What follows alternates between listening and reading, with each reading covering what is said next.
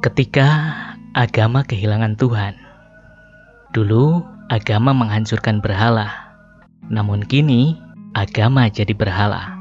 Tak kenal Tuhannya, yang penting agamanya. Dulu orang berhenti membunuh karena agama, namun sekarang orang saling membunuh karena agama. Dulu orang saling mengasihi karena beragama, kini orang saling membenci karena beragama. Agama tidak pernah berubah ajarannya dari dulu. Tuhannya pun tak pernah berubah dari dulu. Lalu, yang berubah apanya? Manusianya? Dulu orang belajar agama sebagai modal untuk mempelajari ilmu lainnya. Sekarang, orang malas belajar ilmu lainnya, maunya belajar agama saja. Dulu pemimpin agama dipilih berdasarkan kepintarannya, yang paling cerdas di antara orang lainnya.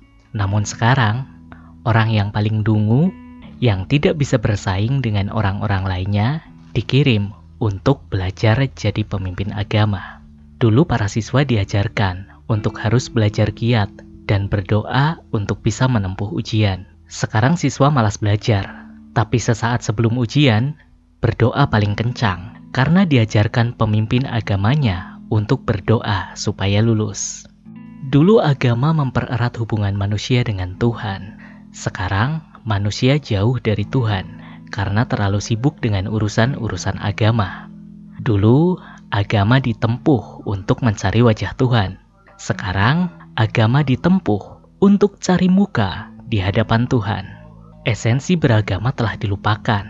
Agama kini hanya komoditi yang menguntungkan pelaku bisnis berbasis agama karena semua yang berbau agama telah didewa-dewakan, takkan pernah dianggap salah, tak pernah ditolak, dan jadi keperluan pokok melebihi sandang, pangan, papan.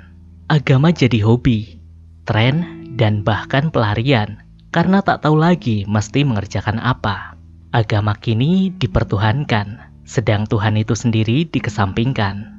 Agama dulu memuja Tuhan, agama kini menghujat Tuhan. Nama Tuhan dijual, diperdagangkan, dijaminkan, dijadikan murahan oleh orang-orang yang merusak, membunuh sambil meneriakan nama Tuhan. Tuhan mana yang mengajarkan membunuh? Tuhan mana yang mengajarkan membenci?